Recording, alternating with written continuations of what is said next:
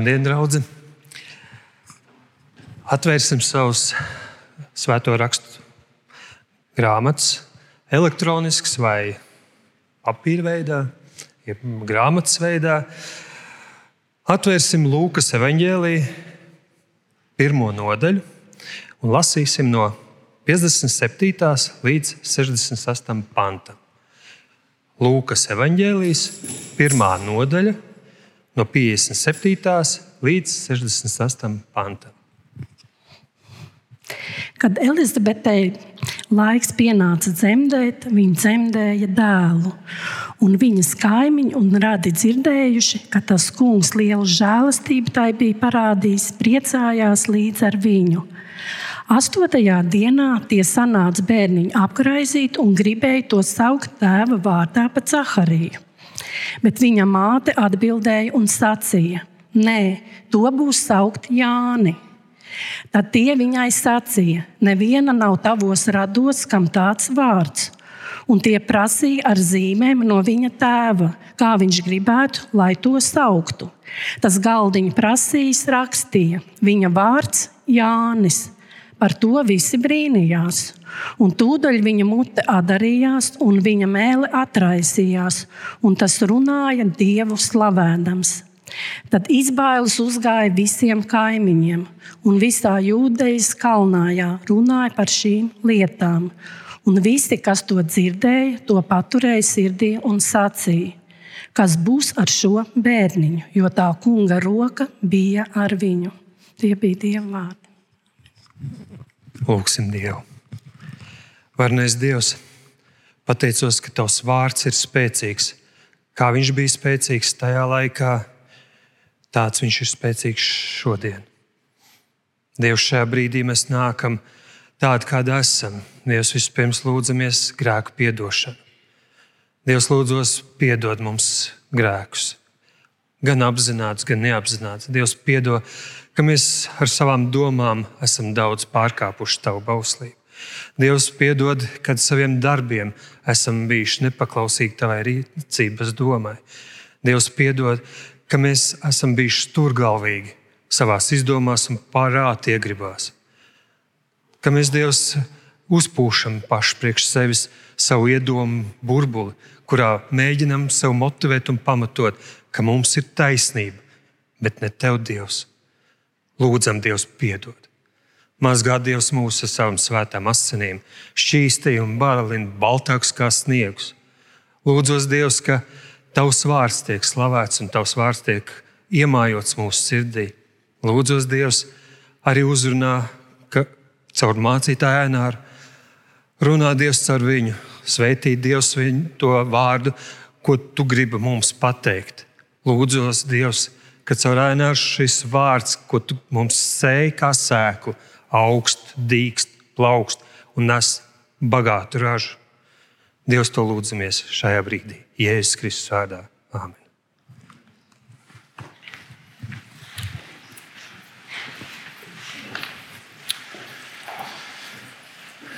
Kā jau jūs būsiet ievērojuši, tad šajā gada adventa laikā mēs apceram Lūkas evanģēlīju pirmo nodaļu. Un Lūkas evanģēlījis visplašāk arī runā par dzimšanu, par Jāņa Kristītāju un Jēzus Kristus dzimšanu.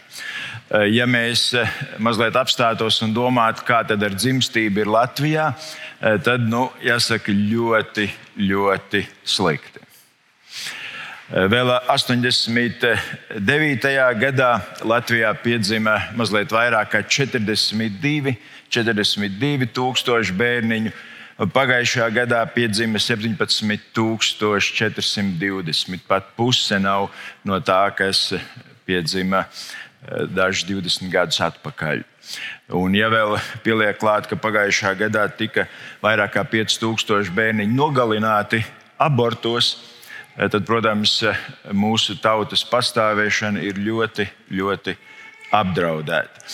Un, eh, nu, mēs varētu kādā reizē mazliet vairāk par to domāt, jo, jo Dievs, psalmis saka, ka katrs cilvēks nes dieva līdzību, jeb pavisam maz Dievs ir šķīris cilvēku no sevis. Citiem varam sakot, katrā cilvēkā ir kaut kas no Dieva, un viena no tām spējām ir radīt. Katrā cilvēkā ir šī Dieva spēja radīt. Un eh, cik eh, nožēlojami ir tad, ja cilvēks šo Dieva doto spēju radīt savu egoistisko patikšanas eh, dēļ apslāpē un izmanto sev, bet ne tam uz, uzdevumam, ko Dievs ir devis, radīt dzīvību, radīt nākamo paudzi, lai varētu pastāvēt. Tad mēs jau tikko lasījām no Lūkas evanģēlīja šo stāstu par Jāņa Kristītāja dzimšanu. Un to šajā rītā aplūkojot, aplūkosim trīs tādus momentus, trīs patiesības, trīs domas, kas šajā Jāņa Kristītāja dzimšanā šeit dievvvārdā atklājas. Un tas pirmais vārds ir priecāties, jeb prieks. Mēs šeit lasījām, kad Elizabetei laiks pienāca dzemdēt, viņa dzemdēja dēlu. Un viņas kaimiņi un radi, dzirdējuši, ka tas kungs lielu žēlastību tai bija parādījis, priecājās līdz ar viņu. Priecājās līdz ar viņu. Mēs redzam, ka Jāņa Kristītāja piedzimšana nes ļoti lielu prieku. Un, un uzlūkojot šo notikumu, ka bērniņš ir piedzimis, mēs, protams, nevaram paiet garām Elizabetei un Caharijai, kas bija līdz tam. Un, un lasot Lūkas evanģēlijā, šajā pirmajā nodaļā par Elizabetu un Cahariju, varam saprast vienu lietu. Ka pareiza un dievbijīga dzīve vēl nenozīmē, ka manas vēlmes tiks apmierinātas. Eh, tur mēs sākumā lasām 5. un 7. pantā. Elīzabete un Caharija bija taisni Dievu priekšā un staigāja nevainojami, nevainojami visos tā kunga baušļos un likumos, bet tiem nebija neviena bērna. Redziet, tajā laikā jau ja laulībā nebija bērns, tas bija ļoti liels eh, negods. Tas bija faktiski stāvoklis, kurā eh, cilvēks jutās eh, ļoti nedroši un, un vienmēr ar tādu vainas un kaunas apziņu, jo pastāvēja uzskats, ja pārim nav bērnu, tad Dievs viņus ir sodījis. Ja viņa dzīvē ir kaut kas tāds, kāpēc Dievs šo svētību ir atņēmis. Un redziet, tajā pašā laikā nav jau citu iespēju kā būt uzticīgiem un paklausīgiem tam kungam. Un eh, Elizabete un, un Caharija bija uzticīgi, staigāja dievbijīgi, paļāvībā uz to kungu, ticot, ka dievam ir risinājums. Un, un tad mēs saprotam vienu lietu, ka pirms prieka visbiežāk ir jāiziet cauri ilgstošam, grūtam ceļam. Pirms prieka ir daudz, daudz ciešanu un grūtību. Pirms prieka ir daudz asaru jālai. Pirms prieka ir neskaitāmi neatbildēti jautājumi. Pirms dzīvē ienāk prieks, ir ilgs laiks, kad tu esi slimībā, ciešanās, grūtībās pirms prieka dažkārt pat apkārtējie tevi nesaprot vai, vai pat nosoda. Pirms prieka dažkārt ir ilgs un grūts ceļš. Un mēs varam iztēloties, ko savā dzīvē varēja piedzīvot Elizabete, kad viņa vairījās iziet sabiedrībā, jo vienmēr bija šie skati un šīs sačukstēšanās un šī aprunāšana, redz, ka tā sieviete, kur Dievs ir atstājis, Un iedomājieties arī viņas vīru, kas ir priesteris, Caharija, dievu kalps, kuram arī nav bērnu, un kā lai viņš jūtas, ka viņš kalpo dievam, ir dievbijīgs un uzticīgs, un tajā pašā laikā dievs eh, liedz viņa ģimenē bērnu. Bet mēs redzam, ka Cakarijas eh, situācija, kad dievs viņam atklāja caur eņģeli, ka viņam būs bērns, ka Cakarija vairs tam īsti netic. Un liekas, ka viņš ir samierinājies ar esošo situāciju, neīsteno tām cerībām.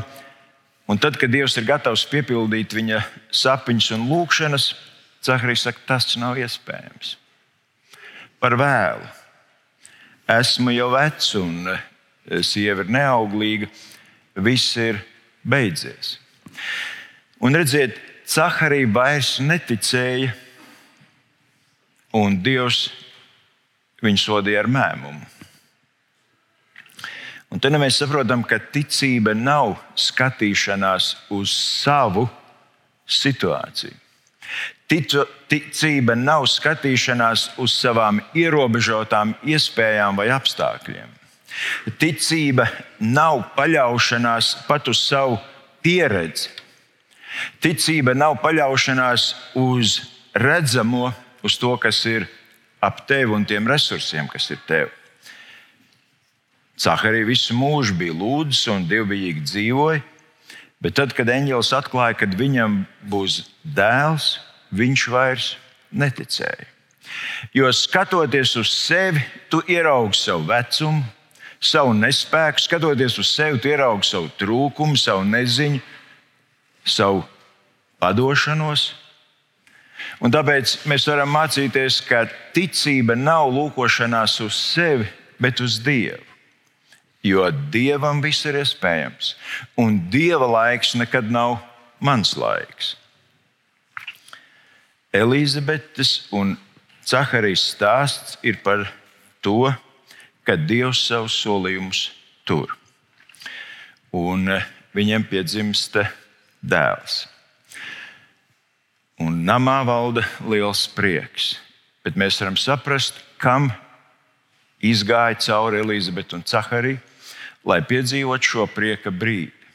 Arī mūsu dzīvēm tik bieži prieks būs pēc ilga, gara un grūta ceļa. Dievs ir uzticams. Un Dievs Caharijam, un Caharija nozīmē, vārds Caharija nozīmē Dievs savu derību neaizmirst. Dievs savu derību neaizmirst, un Elizabete, kas nozīmē Dievs ir uzticams, jeb Dievs ir pilnīgi uzticams. Dievs, kas neaizmirst savu derību, Dievs, kas ir pilnīgi uzticams, dāvā dēlu Jāni, kas, kā jau mēs dzirdējām, ir Dieva žēlastības pilns vai Dieva žēlastības dāvana. Un eh, tas, ko eņģelis Caharijam sacīja, tev būs prieks. Caharija, tev būs prieks un līgsmība, un daudzi priecāsies par dēlu piedzimšanu. Jā, bērniņa nākšana pasaulē nav viegla, tā ir sāpju pārbaudījuma pilna. Arī bērnu audzināšana nav viegla. Tur ir daudz negulētu nakšu, asaru, jautājumu, grūtību, bet pāri visam prieks par žēlastību. Un arī šodien joprojām skan eņģeļa vēsts, kas Kristus dzimšanas laikā skanēja visai pasaulē. Nebīstaties, nebīstaties, jo redzi, es jums pasludinu lielu prieku, lielu prieku, kas visiem ļaudīm notiks. Prieks parasti nāk pēc grūta, ilga ceļa.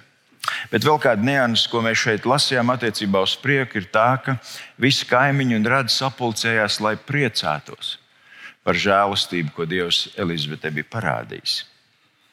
Redziet, vai mēs spējam priecāties par citu laimi?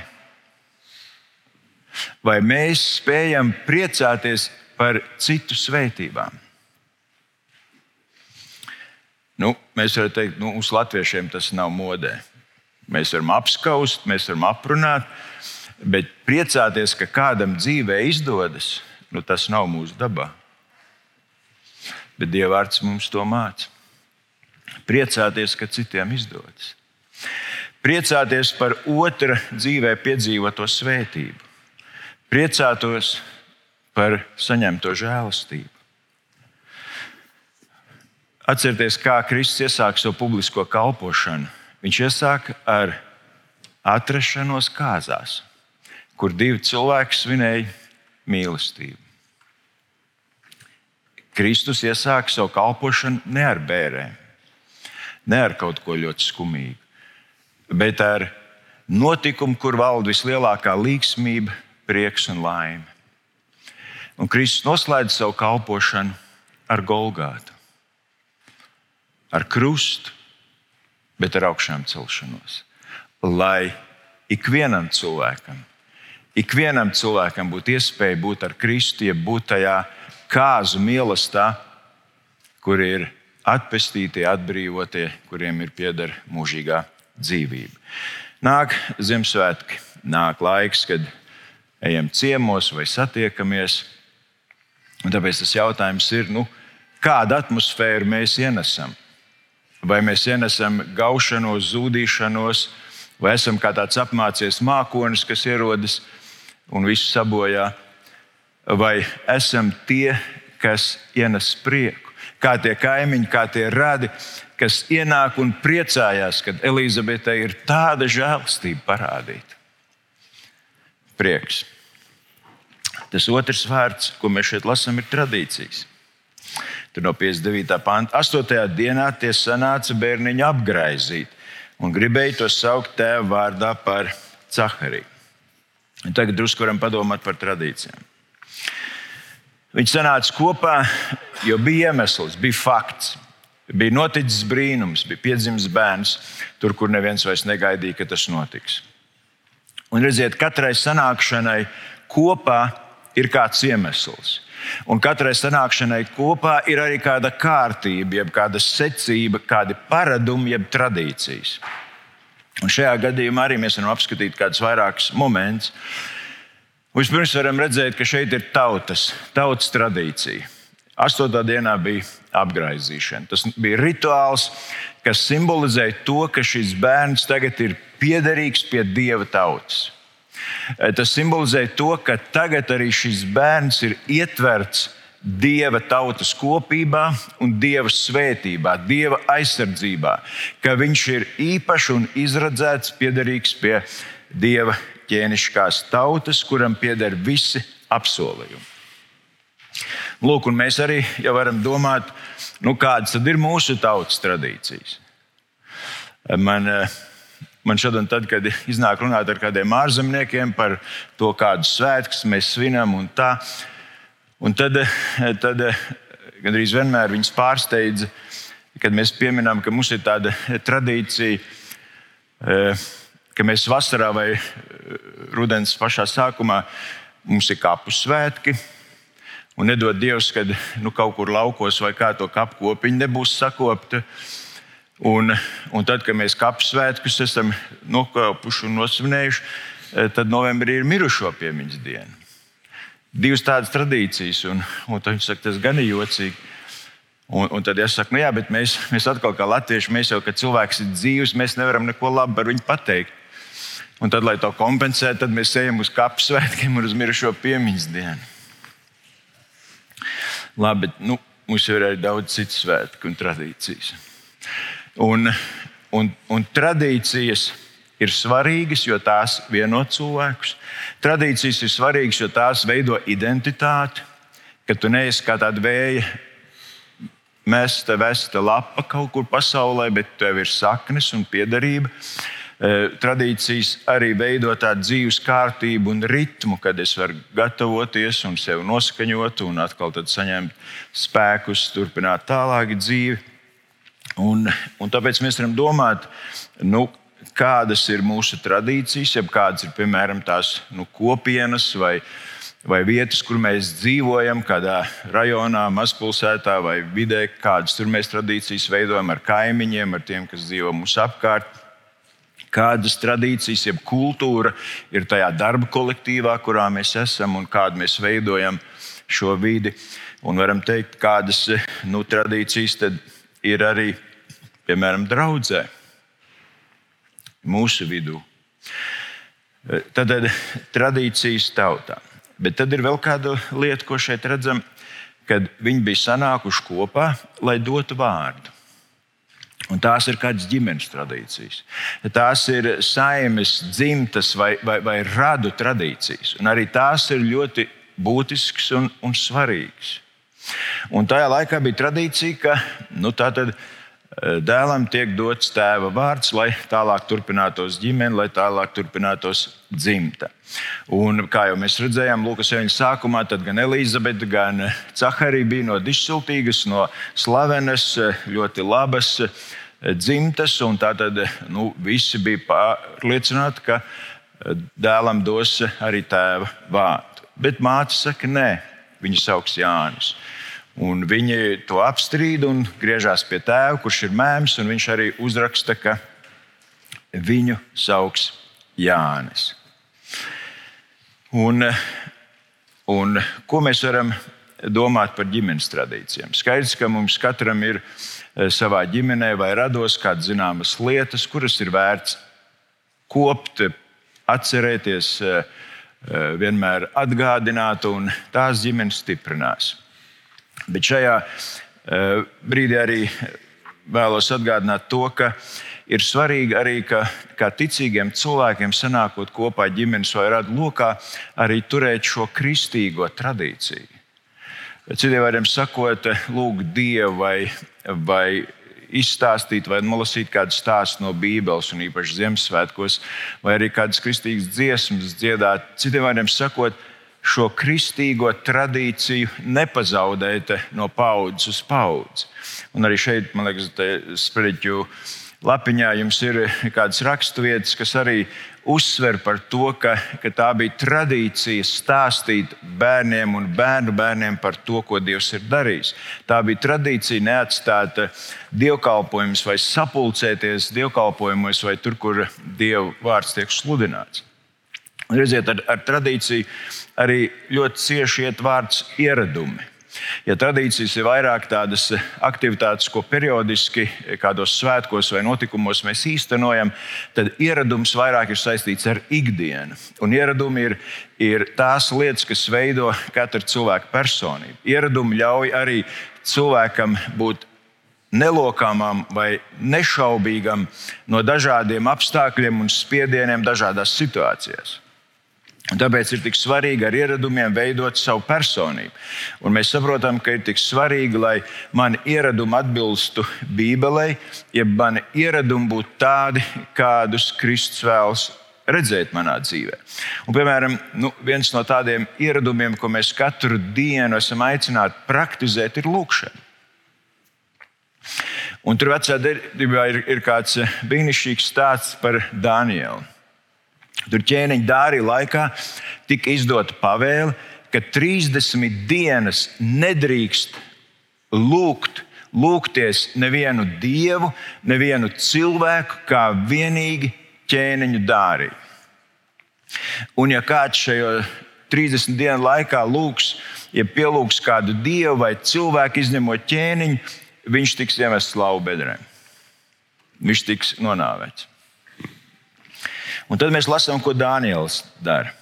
Šādā, šādā situācijā, kad nedrīkst lūgt Dievu, kad Dāniels dzirdēja, ka ir izsludināts šāds rīkojums, viņš gāja savā namā, kur viņam bija augšstāv pret Jeruzalem vērsti un atvērti logi, un kur viņš nometās trīs reizes dienā ceļos, pielūdza un slavēja savu Dievu kā viņš to visu laiku kārtīgi bija darījis. Ir pavēle, kas ir pilnīgi pretēji tam, ko viņš dara. Bet pēc savu ieradumu viņš trīs reizes dienā ceļos nometies, bija radis lūgt Dievu, un to viņš turpināja darīt. Un viņa brīnumainā kārtā Dievs izglāba un caur viņu nelokāmo ticību, jeb ieradumu lūk, Dievu pagodinājies arī pie ķēniņa. Mēs redzam par Jēzu, tad mēs lasām tur Lukas 22. nodaļā. Un izgājis Jēzus pēc sava ieraduma, pēc sava ieraduma uz eļļas kalnu, un viņam mācekļi gāja viņam līdzi, un Jēzus aizgāja no tiem apmēram akmens metiena attālumā un ceļos nometies lūdza Dievu. Redziet, Jēzus pēc sava ieraduma aizgāja uz eļļas kalnu un lūdz Dievu. Un, un, un kaut vai šādu vienu ieradumu katru dienu lūgt Dievu, būt Dieva klātbūtnē, mūsu dzīve izmainīs. Bet visbeidzot, vēl runājot par ieradumiem, šeit arī mēs redzam tādu jautājumu, kas ik pa brīdim arī paceļās. Kad tad mēs varam mainīt ieradumus? Kad mēs varam mainīt kādas tradīcijas? Jo viss gribēja bērniņu saukt tēva vārdā, bet vecāki saka, nē, viņi sauks citādi. Nekad tas tā nav darīts, bet tagad mēs darīsim citādi. Un interesanti, ka mēs varam redzēt, gan, gan māte, gan tēvs ir vienoti. Un tas arī nemaz nav tik bieži, kad, kad vecāki var būt pilnīgi viens prāts par to, kā bērnu audzināt un kas ar viņu notiks. Un, un mēs jau runājam, ka tradīcijas ieradumi palīdz pasargāt e, mūsu vērtības, ticību, e, mūsu pārliecību, bet kad to mainīt? Un tad mēs skaidri redzam šo atbildi, ka tikai tad, kad Dievs to liek. Tikai tad, kad Dievs tev atklāja rīkoties citādāk, tad tu vari mainīt tradīcijas, vai ieradumus, vai kādas lietas. Ne cilvēku gribēšana, ne mana subjektīvā patikšana vai nepatikšana, ne laika gars vai sabiedrības spiediens, bet Dievs. Ja Dievs liek ko mainīt, tad paklausība Dievam ir nozīmīgāka un svarīgāka nekā tradīcijas. Sabiedrības un, un kultūras spiedienā Tradīcijas palīdz saglabāt savu identitāti, savu ticību un kopību. Taču, ja Dievs aicina rīkoties citādi, tad ir jāpaklaus Dievam. Un visbeidzot, vēl viens vārds, par ko mēs varam šajā Jāņa Kristītāja piedzimšanas stāstā domāt, ir nākotne. Ehm, tur no 64. panta mēs lasām, ka tad, kad eh, Caharija uzrakstīja uz tādu ēlīšu, ka viņu būs saukt Jānis, tajā brīdī Caharija mute atdarījās, viņa mēlē atraisījās, un tas runāja Dievu slavēdams. Tad izbailes uzgāja visiem kaimiņiem un visā jūdejas kalnājā runāja par šīm lietām. Un viss, kas to dzirdēja, to paturēja sirdī un sacīja, kas būs ar šo bērnu jo tā kunga roka bija ar viņu. Redziet, viņi visi bija kopā, viņi priecājās par to brīnumu, kas ir noticis. Viņi turējās pie tradīcijām, bet Dievs ienes kādas izmaiņas. Un tad mēs redzam, ka ļaudis sāk domāt, kas būs ar šo bērnu. Tā situācija ir ļoti neparasta. Tā nekad nav bijusi ka tik brīnumainā kārtā vecumā ir bērns, ka par viņu ir kāda dieva atklāsme un pravietojums. Ļaudis runāja, jautāja, pārdomāja, kas būs. Un mēs redzam, ka ne tikai šajā radu lokā, bet visā jūdejā runāja par šīm lietām. Un te mēs varam saprast, ka, ka situācijā, kad mēs nezinām, kas būs rīt, ja situācijā, kad ierastā kārtība, dzīves ritms mainās un mainās būtiski un radikāli, tad ko, ko mēs varam darīt? Mums ir jāturās kopā. Ir daudz labāk tādos grūtos pārmaiņu laikos turēties kopā. Un ne tikai turēties kopā, bet sarunāties savā starpā. Jo sarunāšanās tev dod pārliecību, ka tu neesi viens šajā pasaulē. Sarunāšanās tev dod šo drošību, ka tu neesi viens un ka mēs esam kopā sadraudzībā. Un vēl tas saka, ka, ka tautas balss, dieva balss. Nevienmēr tie, kas ir eksperti un, un gudri cilvēki, spēj paredzēt un prognozēt, un dažkārt vienkāršiem cilvēkiem, kā mēs to lasām arī Bībelē, Dievs atklāja kādas patiesības. Un tāpēc ir tik svarīgi būt kopā, jautāt, eh, diskutēt, sarunāties, būt sadraudzībā. Kas būs ar šo bērnu? Kāda būs nākotne? Ko tu domā, kāda būs rīta? Mēs, mēs dzirdējām par Ukraiņu tautas ciešanu laiku, kuriem viņi iet cauri. Un, un mēs gribētu jautāt, kad tas beigsies, kad, kad vienreiz karš beigsies, kad Ukraiņu tauta kļūs brīva. Un, un kad mēs tā paklausāmies, tur Feiganu vai Aristoviču vai, vai Podoļaku vai kādu nu, nākošu gadu, mēs gribam ticēt, ka tas tā būs. Bet, bet vienīgi Dievs to zina. Taču šeit mēs redzam vēl kādu lietu.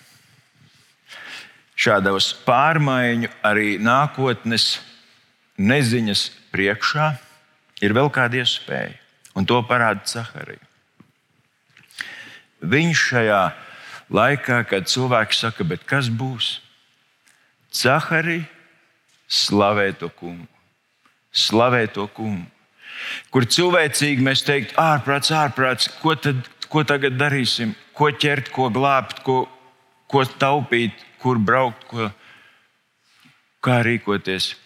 Caharī slavē to kungu. Mēs nezinām, kas būs rīt. Dievs to zina. Mēs nespējam ietekmēt ļoti bieži apstākļus rīt vai parīt. Dievs gan to var. Un tieši tāpēc, laikā, kad mēs nezinām, mums vēl vairāk un ciešāk ir jābūt Dieva klātbūtnē, lai Viņa tūmā justos droši. Vienalga dzīvojot šajā dzīvē, vai arī ejot prom no šīs dzīves mūžībā. Ar Dievu vienmēr būs labi. Kad Zaharija neticēja Dieva nodomam, viņš kļuva mēms. Kad Zaharija paklausīja Dievam un nosauca savu dēlu, tā kā Dievs to bija sacījis par Jāni, jeb par Dieva žēlstības dāvanu, viņš spēja runāt. Un pirmais, ko viņš ar savu runu dara, ir slavēt Dievu, pagodināt Dievu. Tā kā Pāvils vēlāk saka, tiem, kas Dievu mīl, visas lietas nāks par labu. Šajā laikā, kad tuvojas Kristus dzimšana, lai dāvājam prieku, lai turam tās tradīcijas, kas dara mūs stiprus, lai sargājam savu ticību un pārliecību, un lai domājot par nākotni, mūsu vēlēšanās būtu kaut tuvāk tev, kungs, kaut lielāka slava no mūsu mutēm. Lai Dievs uz to mums palīdz. Āmen. Pielūgsim Dievu. Kungs, Jēzus, paldies par, par to, ka varam lasīt tavā vārdā, kā šī lielā dieva vīra, Jāņa un tava kungs piedzimšana šajā pasaulē notika. Paldies, kungs, ka caur Jāņa piedzimšanu mēs varam mācīties, ka tev Dievs visas lietas ir iespējamas. Un, kungs, tāpēc stiprina arī mūsu ticību un paļāvību uz tevi, tad, kad cilvēcīgi mums liekas, tur nekas vairs nebūs iespējams. Kad cilvēcīgi, kungs, mēs esam padevušies, tev ir pēdējais vārds. Un tāpēc, kungs, stiprina mūsu ticību un paļāvību uz tevi, ka mēs varam, kungs, tur, kur tu mūsu dzīvē sūti un kur mūsu dzīves gājums rit, ienest prieku. Prieku par to, ka pazīstam tevi, ka tu mums tik lielu žēlastību un svētību dāvini, un ka mēs to varam dot arī citiem. Kungs palīdz mums sargāt to, kas ir vērts. Palīdz mums sargāt savu ticību. Kungs palīdz mums nodot tālāk nākamām paudzēm to, kas der cilvēku dzīvībai, kas der mūžībai, kas der pestīšanai un glābšanai. Kungs palīdz mums nekautrēties un, un pasargā mūs no, no tādām tradīcijām un ierašām, kas ticību tev grib mazināt vai pat atņemt. Bet, kungs, ja tu uzrunā mūs un aicini uz kaut ko jaunu vai citādāk, tad kungs dod, ka tā ir skaidra atbilde no tevis un ka tā nav man cilvēcīga iedoma vai patikšana. Bet pārkungs visam palīdz, ka mēs spējam uzticēties tev ka mēs katru dienu spējam griezties pie Tevis lūgšanā, ar pateicību, ar slāvu, ar godu, jo kungs, Tu esi valdnieks pāri visam, gan mūsu dzīvē, gan tautā, gan pasaulē. Tāpēc, kungs, mēs paļaujamies un uzticamies Tev. Jēzus vārdā. Āmen!